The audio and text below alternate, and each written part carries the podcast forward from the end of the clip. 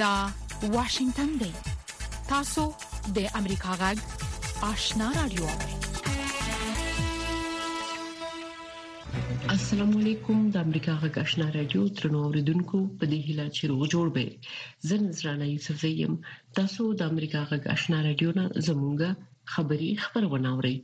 قدرمن اوریدونکو د خبرونې په سر کې پام وکړئ خبرونه ده ویان احمد الله چیوال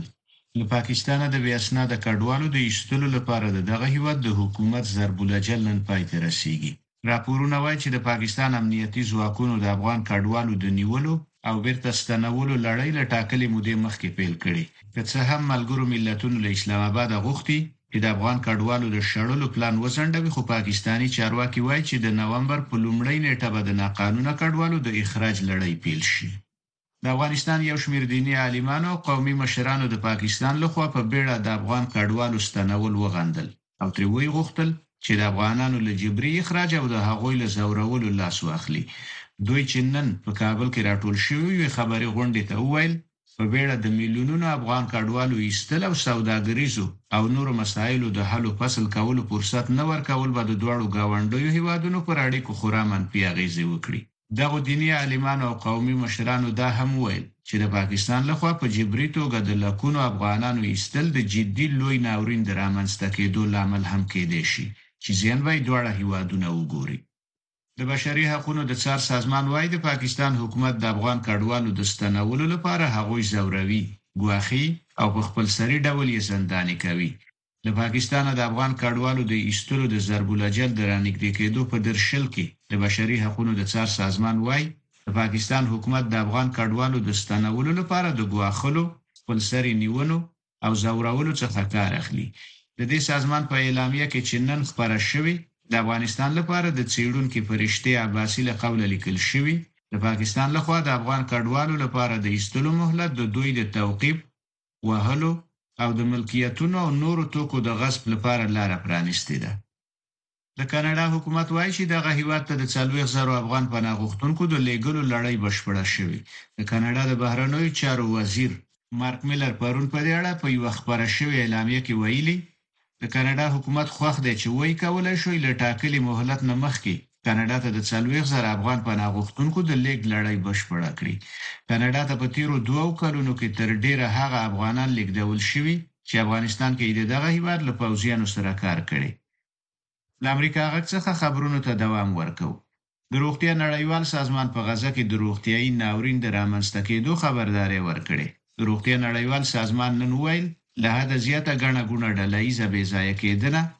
او د اوبو او فاضلاتو د شبکو ویجاړېدل د دې ناورین سبب کېږي.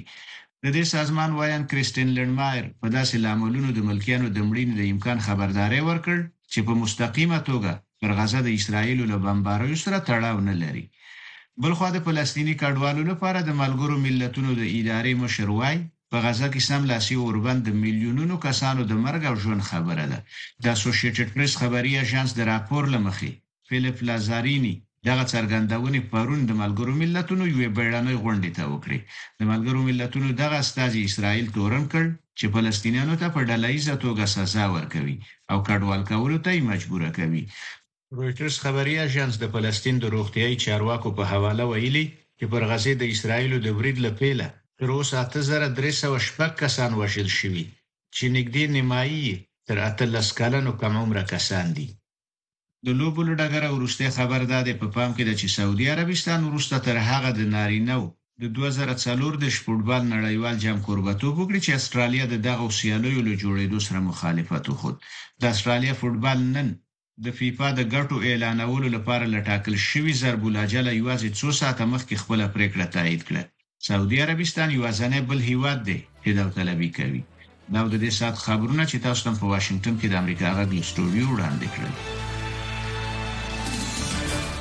د امریکا غږشنا رادیو ترنو اوریدونکو تاسو خبرونه واوریدل په موکړی زمونږه د خبرونې لومړی رپورت ده د طالبانو د حکومت نه بهرنیو چارو وزارت وایي چې دغه وزارت سرپرست مولوی امیر خان متکی ترکیه ته د خپل سفر په ترڅ کې دغه هوا د بهرنیو چارو د وزیر هاکان فدان سره د اړیکو د پیاوړي کولو په سر د خبرو سربېره د نوو سوداګریزو دهلیزونو په پرانستلو هم خبرې کړې دي تر اوسه د طالبانو حکومت ترکیه د خاغلی متکی د سفر هدف په اړه سندې ویلي اکرام شنوار رپورټ را لګره د طالبانو د حکومت د بهرنی چارو وزارت وایي چې دغه وزارت سرپرست مولوی امیر خان متکی ترکی ته د خپل سفر په ترڅ کې دغه هیواد د بهرنی چارو د وزیر سره په کتنه کې د افغانستان او ترکی د دوړخیزو او ډیپلوماټیکو اړیکو د کچې په لوړولو نوو سوداګریزو دهلیزونو او ګڼو سیمایي مسلو هر اړخیزي خبرې کړې دغه وزارت مرستيال وایي ضیا احمد تکل رسنۍ ته په یو استوري غږیز پیغام کې ویلي چې په دې کتنه کې په دا ډول ناسو او یو بل سره په همکارۍ او دغه سیناسو په دوام ټینګار شوی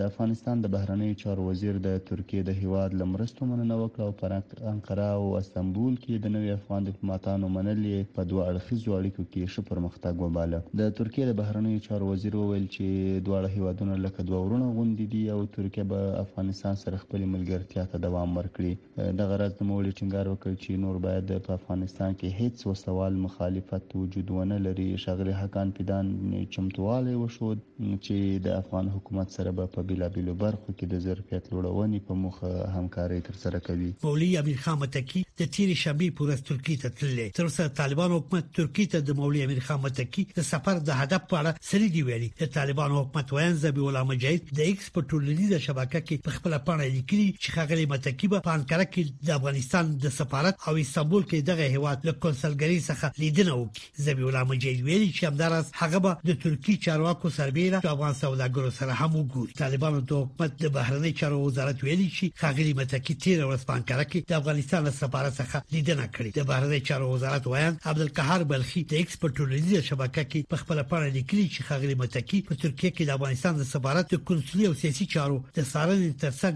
دغه سفارت مسولین ته په دغه هیواد کې مشت افغانانو لپاره د خدمتونو د وړاندې کولو سپارښتنه کړې همداشان د طالبانو د حکومت د بهرنۍ چارو وزارت سرپرست په ترکیه کې د مشتو افغان سوداګرو او پانګوالو سره هم کتلي ترکیه کې له 300 زرو څخه زیات افغان کډوال اوسېږي همداشان په دغه هیواد کې د طالبانو د حکومت د مخالفو یو شمېر شخصیتونو په ګډون د افغانستان د پخواني رژیم یو شمېر لوړپوړي چارواکي سیاسي مشران او د پارلمان غړي هم تیرې دي د سیاسي چارو کارپو طارق پرهدي وایي ترکیه ته د خغلی متکی سفر تر ډیره یو شخصي سفر دی خو د دې لپاره چې ترکیه تل د افغانستان د بیلابیلو رژیمونو سره نږدې اړیکې ساتلي د همدې شخصي سفر پر مهال هم د طالبانو د حکومت د بهرنی چارو وزارت سرپرست د ترکیه چارواکو سره د لیدو کتو امکانات هم برابر کړي دي ترکیه افغانستان به رسمیت نشناخته اما مواظب افغانستان است که در اینجا چی گپ میشه علاقه داره به افغانستان یک بعضی کمپانی های ترکی در افغانستان قراردادهای داشتن از وقت سابق که بعضش جاری است بعضش نیست تغییرات بانکی مشکلات بسیار در ایجاد کرده برای اینکه کمپانی های بزرگتر با افغانستان تجارت کنند در این حالت دنیا که همگی به فکر خود است افغانستان خوب است که کم تماس داشته باشه بیرون و اگر به اقتصادش چیز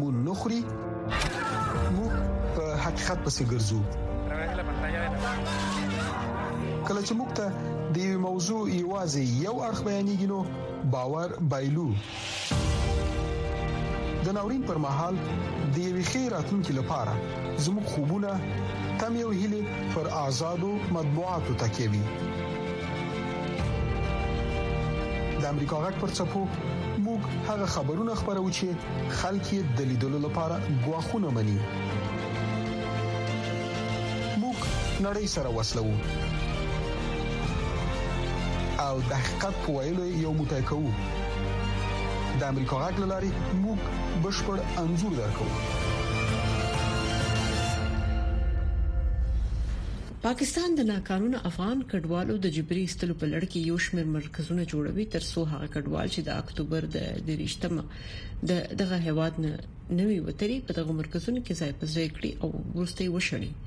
زموږ همکار خدای نور ناصر رپورټ لري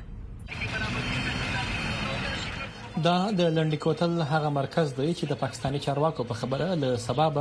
دلته ناقانونه کډوال په زور راوړل کیږي او لدې ځای به بیا د تورخم دروازې له لارې افغانستان ته لیږدول کیږي دلته چارواکي وايي په دې مرکز کې له زرو بیا تر 2000 پورې کسان په یو وخت کې ځایولای شي په لنډی کوتل کې دغه کیمپ چې جوړ کړی شوی د افغان ترانزیټ کیمپ په نوم باندې په دغه کې د زرو نه د 2000 پورې خلک راتلای شي ځلي انتظامیه او د پی ډی ایم ای له طرفه جوړ کړی شوی دغه کیمپ کې به هغه افغانانو ته په لږ سات باندې سټي ورکول شي کوم چې په غیر قانوني توګه باندې په پا پاکستان کې میشته وي دلته ځایي چارواکي وایي په دې مرکز کې د شذو او نارینه و لپاره بیل بیل ځایونه جوړ شوي او د دوی لپاره پکې د خوراک نه بلکې د څښاک بندوبست هم شوی دی په دغه کیمپ کې کار روان دی د زنانو لپاره د استوګ نزاینه ورسره چې کوم د تشناب چې کوم ځایونه یې هغه هم جوړول کیږي د اوبو لپاره چې کوم بنیادی انتظامات یې هغه به ورکول کیږي بیا موږ په دغه اکړه په تاسو کو چې یاري دلته به دوی ته خوراک هم ملاويږي نو هغه دا وینا ده چې دلته به صرف ماشومان ته اوبه زنانه ته بسکټ دغه شی نه به ورکول کیږي او چونکه دغه کیمپ کې به دوی ډیر په کم مدت سره پاتې کیږي دوی به بیا افغانستان ته اړول کیږي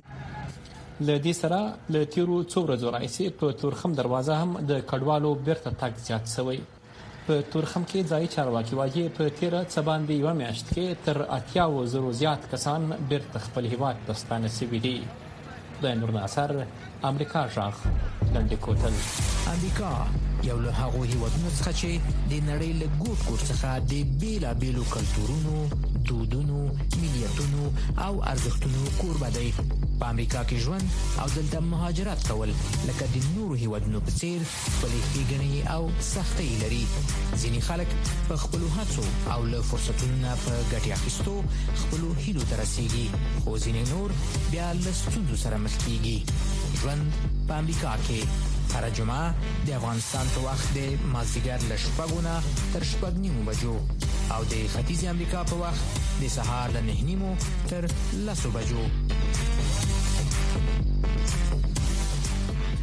د بشري حقوقو سر سازمان وایي د پاکستان حکومت افغان کډوال غواخي زوروي او توقفي ترڅو ارشي چې افغانستان ته ارشي د سازمان په تازه راپور کې ویلي زیات شمېر هغه افغانان چې متحده ایالاتونو کاناډا جرمني او نورو هیوادونو ته د تللو لپاره پاکستان کې دي د استل کېدو خطر سره مخ دي نور تفصيل په دې رپورت کې د بشري حقونو څار سازمان په پاکستان کې د میشتو افغانانو پر وضعیت اندېښنه خودلې وایي له افغانو کډوالو سره ناسم چلند کیږي د بشري حقونو څار سازمان کې د اسیا د څنګه چیرونکو فرشته عباسي امریکا غږته ویل په افغانستان کې وضعیت له خطر ډک دی او زیات شمیر کسان چې تښتیدلي دي بیرته لیګل به ژوند له خطر سره مخ کړي اکثر کسایی که به شکل پناهجو فعلا در پاکستان زندگی میکنن جانشان در افغانستان در خطر است و نمیتونن برگردن ما در یک دو هفته گذشته با پناهجوی صحبت کردیم که قبلا خبرنگار بودن فعالین حقوق بشر هستند و در بین از اینا کسایی است که در های پناهندگی دارن برای کشورهای دیگر کسایی هستند که منتظر ویزای امریکا کانادا بریتانیا و منتظر هستند که اینا پیش برن ولی متاسفانه فعلا تمامی اینا با خطر اخراج اجباری از پاکستان رو برو هستند و از آینده خود حراس دارند. زما میړه چی بهر ته ځی ډیره ویره لری له تیر څو ورځو راهیسی ناروغه یم په نږدې مارکیټونو کې زما درمل موندل کیږي نه خو هغه د درملو اخیستو لپاره بهر ته نه ځي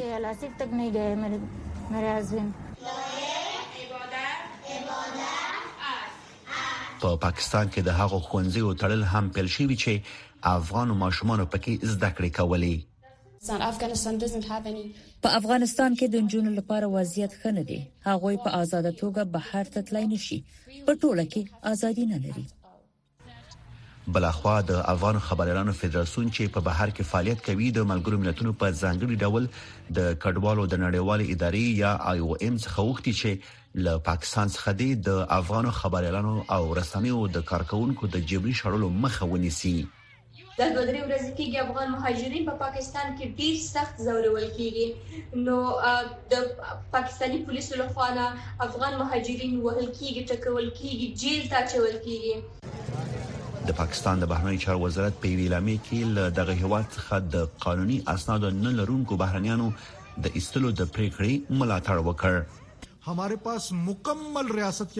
حکومت په دې اړه بشپړ معلومات لري چې کډوال چیرته اوسیږي، یقینا چې دا ستونزمن کار دی، خو ان شاء الله د نوامبر له لومړۍ نیټې وروسته به یې عملي کړو. د ملګرو ملتونو د کډوالو عالي کمېشنرۍ ویلي چې پاکستان اوسمهال د 3.9 میلیونو افغان کډوالو کوربه دی چې 200 زره یې د 2020 کال په اګست کې د طالبانو له بیا واکمن کېدو وروسته له افغانستان څخه دغه هېواد ته کډوال شوي دي. وحید فیضی د امریکا غږ طالبانو د افغانستان له دننه د امریکا غږ راډیو خبرونه درولې دي خو امریکا غږ په پوره ژمنتیا خپل افغان اوریدونکو ته په پښتو او دری ژبه د کره باوري او هررخیزو خبرونو په خبرولو د افغانستان له بهره په 902 کیلو هرتز منځنوي سپو خپل خبرونه ته دوام ورکړي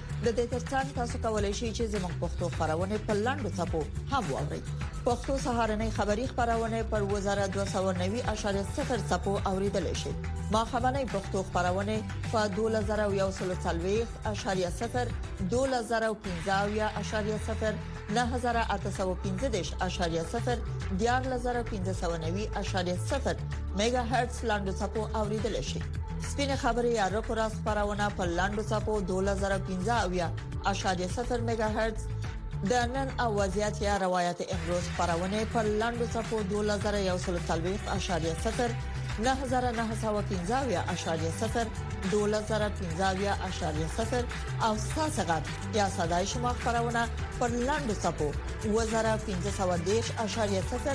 9315 میگا هرتز اوریدل شي اسرایلی ځواکونو سه شنبه هم په غزه خپل هوایي او ځمکني بریدونو ته دوام ورکړی دی او د حماس یو شمېر جنگیالي او تاسیسات په نخښه کړی دي بل خو په داسې حال کې چې د اکتوبر د اومې د بریدون لامل د اسرایل په لومړي وزیر بنتمن نتنیاهو نیوکې ډېری شوی هغه ویلي چې خپل مقام استعفا نه ورکوي نور تفصيل په دې رپورت کې په داسې حال کې چې اسرایل د حماس د اکتوبر د اومې د برید په ځواب کې خپل ځمکني او هوایي عملیات جاري ساتلي سپینه مړی وایي چې غزې ته د محدودو بشري مرستو د رسیدو او د مخابراتي شبکو د بیا وصل هرکلی کوي د بایدن حکومت همدارنګه په تکرار سره وسله والو ډلو ته خبرداري ورکړې چې له دې جګړې لري ووسی زموږ پیغام هر لوبغاړي ته چې له دې جګړې څخه د ګټې اخیستو هڅه کوي دا دی دا کار مکوئ لکه څنګه چې تاسو ټول پوهیږئ موږ په سیمه کې خپل نظامی حضور ډیر کړی دی موږ دې جګړې ته د هر لوبغاړي د احتمالي راتګ په اړه په دوامدار شکل څار کوو څو ډاډمن شو او هغوی پوهیږي چې موږ په سیمه کې خپل ملي امنیتي ګټې جدي نیسو. خو له دې جګړې سره د خلکو مخالفت او کرکه زیاتیږي. په سلګونه کسان د روسیې د داغستان سیمې هوایي ډګر ته ولاړل او له تل ابیب څخه د وی الوتکې د راتګ لامل د يهودانو ضد شعارونه ورکړل د روسیې ولسمشر بهرنۍ مداخله د دغو واقعیاتو علت بللی هغه څه چې د کربل خو رد شول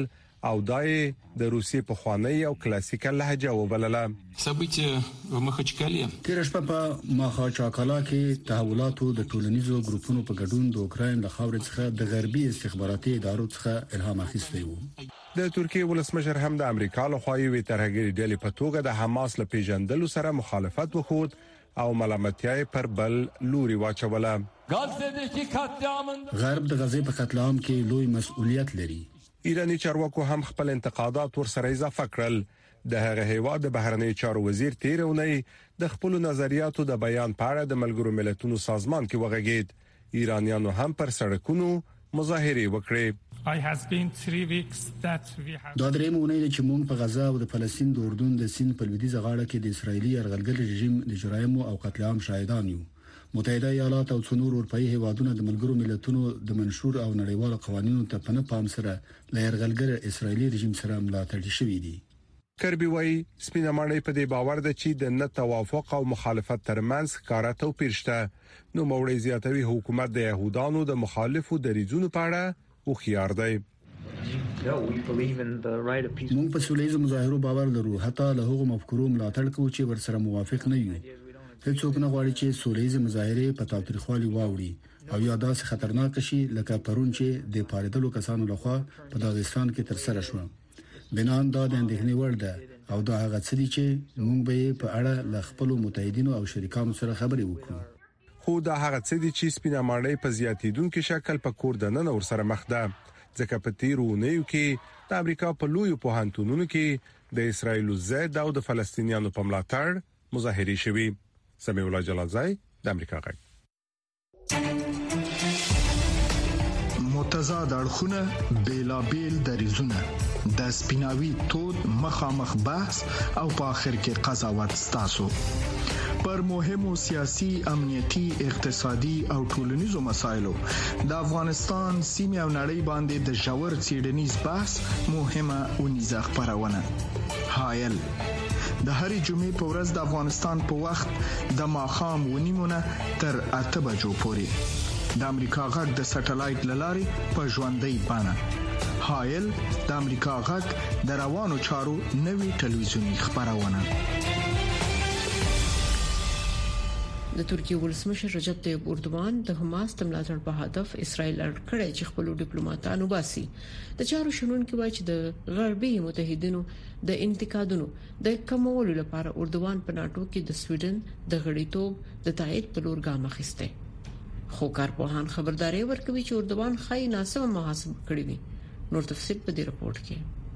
veya dolaylı failidir bunlar. د ترکیې ولسمشر رجب طیب اردوان د شنبې په ورځ په استنبول کې په یو غونډه کې د حماس نه خپل ملاتړ د څرګندولو په هدف یو ځل بیا اعلان وکړ چې حماس تر ګرډل نه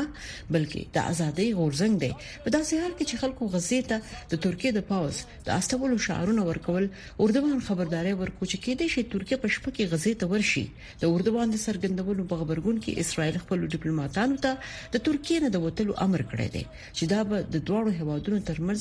نوې جوړې شوې ډیپلوماټیکي اړیکې پرې کړي زه فکر کوم چې دا ډول بیانونه په اساسي توګه د اړیکو ختمې دي خي زما په فکر دا بيخي روخانه ده د دواړو هیوادونو د اړیکو د عادي کولو پروسه چې په 2022م کال کې پیل شوې و اوس پای ته رسیدلې ده اردوغان تیر میاشت په نیویارک کې د لومړي ځل لپاره د اسرایل د لومړي وزیر بنیامین نتنیاهو سره وکتل په اسرایل باندې د حماس د برید وروسته اردوغان په پیل کې زیاتې سختې خبرې نه وې کړې ځکه چې هغه د منځګړیتوب رول لوبولو هڅه وکړه خو په داسې حال کې چې د انکرې ډیپلوماټیک رول ته پام نه دی ورکړل شوی اردوغان د حماس لپاره خپل ښکارم ملاتړ لا زیات کو اردوغان پرېکړه وکړه چې دا د هغه په سیمه ییز رول کې هیڅ بدلون نه راولي، نو د دې پر ځای چې هغه په دې شخړه کې د منځګړیتوب ناکامه هڅه وکړي، باید هغه کورنی سیاست یا کورنۍ لوبه وکړي. ځینې کارپوهان ادعا کوي چې اردوان هڅه کوي د توازن عمل ترسره کړي. هلته اردوان د خلکو، محلي رای ورکوونکو او د مسلمانانو لپاره لوبې کوي او هغه هم د سویډن د ناټو غړیتوب سره لویدیځ ته یو څه ورکوي. خو زه فکر نه کوم چې دا به په دې ډول کار وکړي، ځکه چې هغه ډیر سخت بیانونه ورکوي. کارپوهان وايي چې په داسې حال کې چې اسرایلي ځواکونو په غزه کې عملیات زیات کړي دي، نو اسرایل به د اردوان خبرو ته تللی ځواب ورکوي ځکه چې غواړي خپل تمرکز لومړی د حماس سره په جګړې وکړي. اسرائیل اړتیا نه لري چې د خپلو ګاونډیانو سره اوسنی کړکېچن وضعیت ته ادامه ورکړي، نو زه فکر کوم چې د اسرائیل حکومت به خپله ټوله هڅه وکړي چې له ترکیې سره مستقیمه مقابله ونه کړي.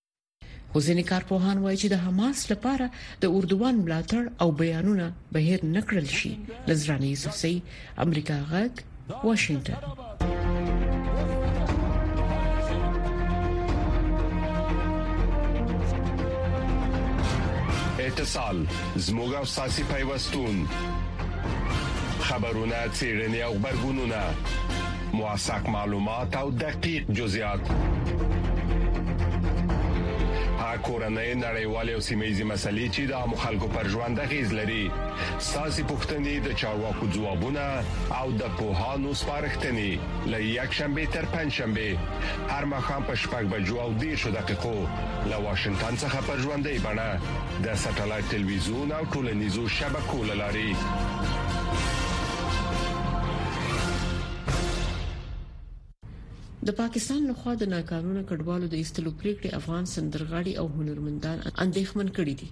په پیښور کې مېش افغان سندرغاړي وای په افغانستان کې د دوی ژوند په خطر کې دی او دوی هلته نشي کولای هنري فعالیتونه وکړي زموږ همکاري مسکا صاحبې د سندرغاړو لیدو ته ورغلي او په اندېښنې ورسره خبرې کړي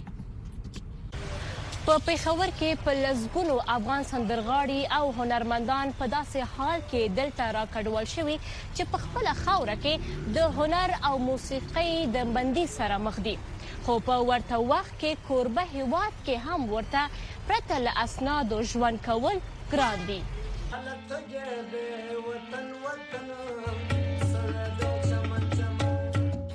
په پا پاکستان کې افغان سندرغاړي خپل برخلیک ته خورا اندېښمن دي د کونړ ولایت شاداب منور دوه کاله کیږي چې پیښور کې ژوند کوي وایي بیرته افغانستان ته نشي تللی منور چې پرته له اسنادو پاکستان ته پناه وړي حیران دی چې پاکستان به کډوالو سره څه ډول چلن کوي په کوټه راغله مې زرا سره نه و او دلته چې زه راغلی یم دا کوم حکومت چې دې زی دا اعلان کړی دی چې افغانان به ټول دې نه وځي کوم چې کارت نه لري به کړی نو زمونږ خو دلته ډیر مشکل دی که زه ته خبره وکم که خیاط دی که موچی دی که بسګر دی تر څه کوي چې زه خپل تدافن نشم چلوي زه د مجبوریت تل د پروتم زه اوس لاور کې پروګرام نشم غسته کوارد کې نشم غسته اخو دې خو نشم د پولیس دی چې ما ونې سکورنې مې را سره ټینشن کې دا نو ډیر مشکلات دلته پاکستان کې مونږ نقیب شوقي چې دلته له خپلې کورنۍ پرته ژوند کوي وایي په افغانستان کې هنر ته اجازه نه ورکول کیږي او نه هم کوربه هیواد ورته د آزاد ژوند حق ورکوي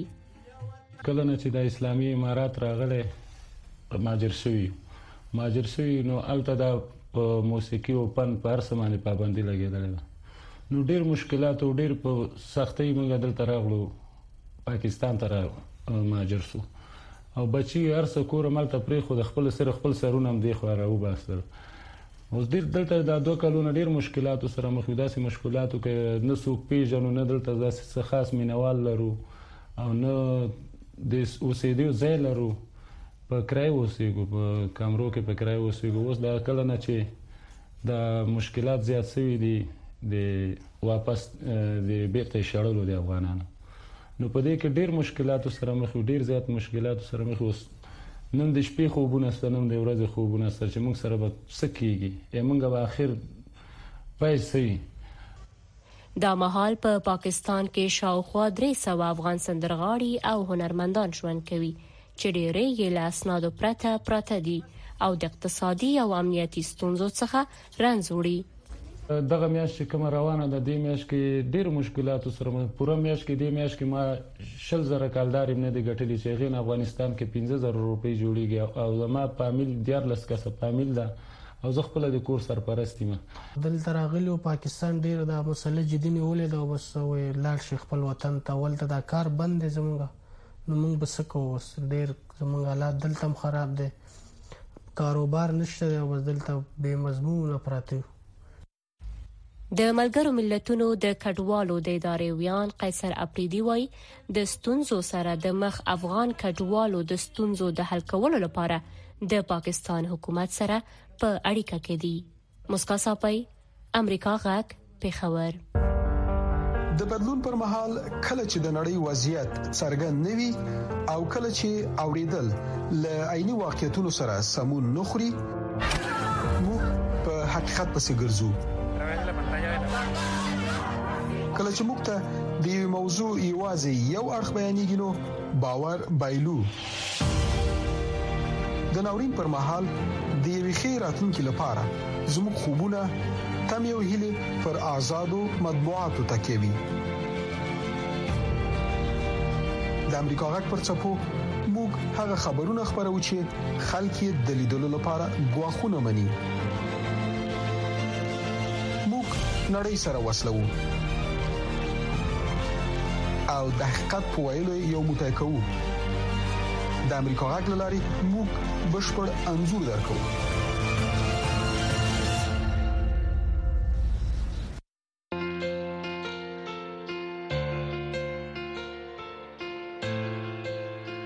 قدرمن اوریدونکو تاسو د امریکا غږ آشنا رادیو نه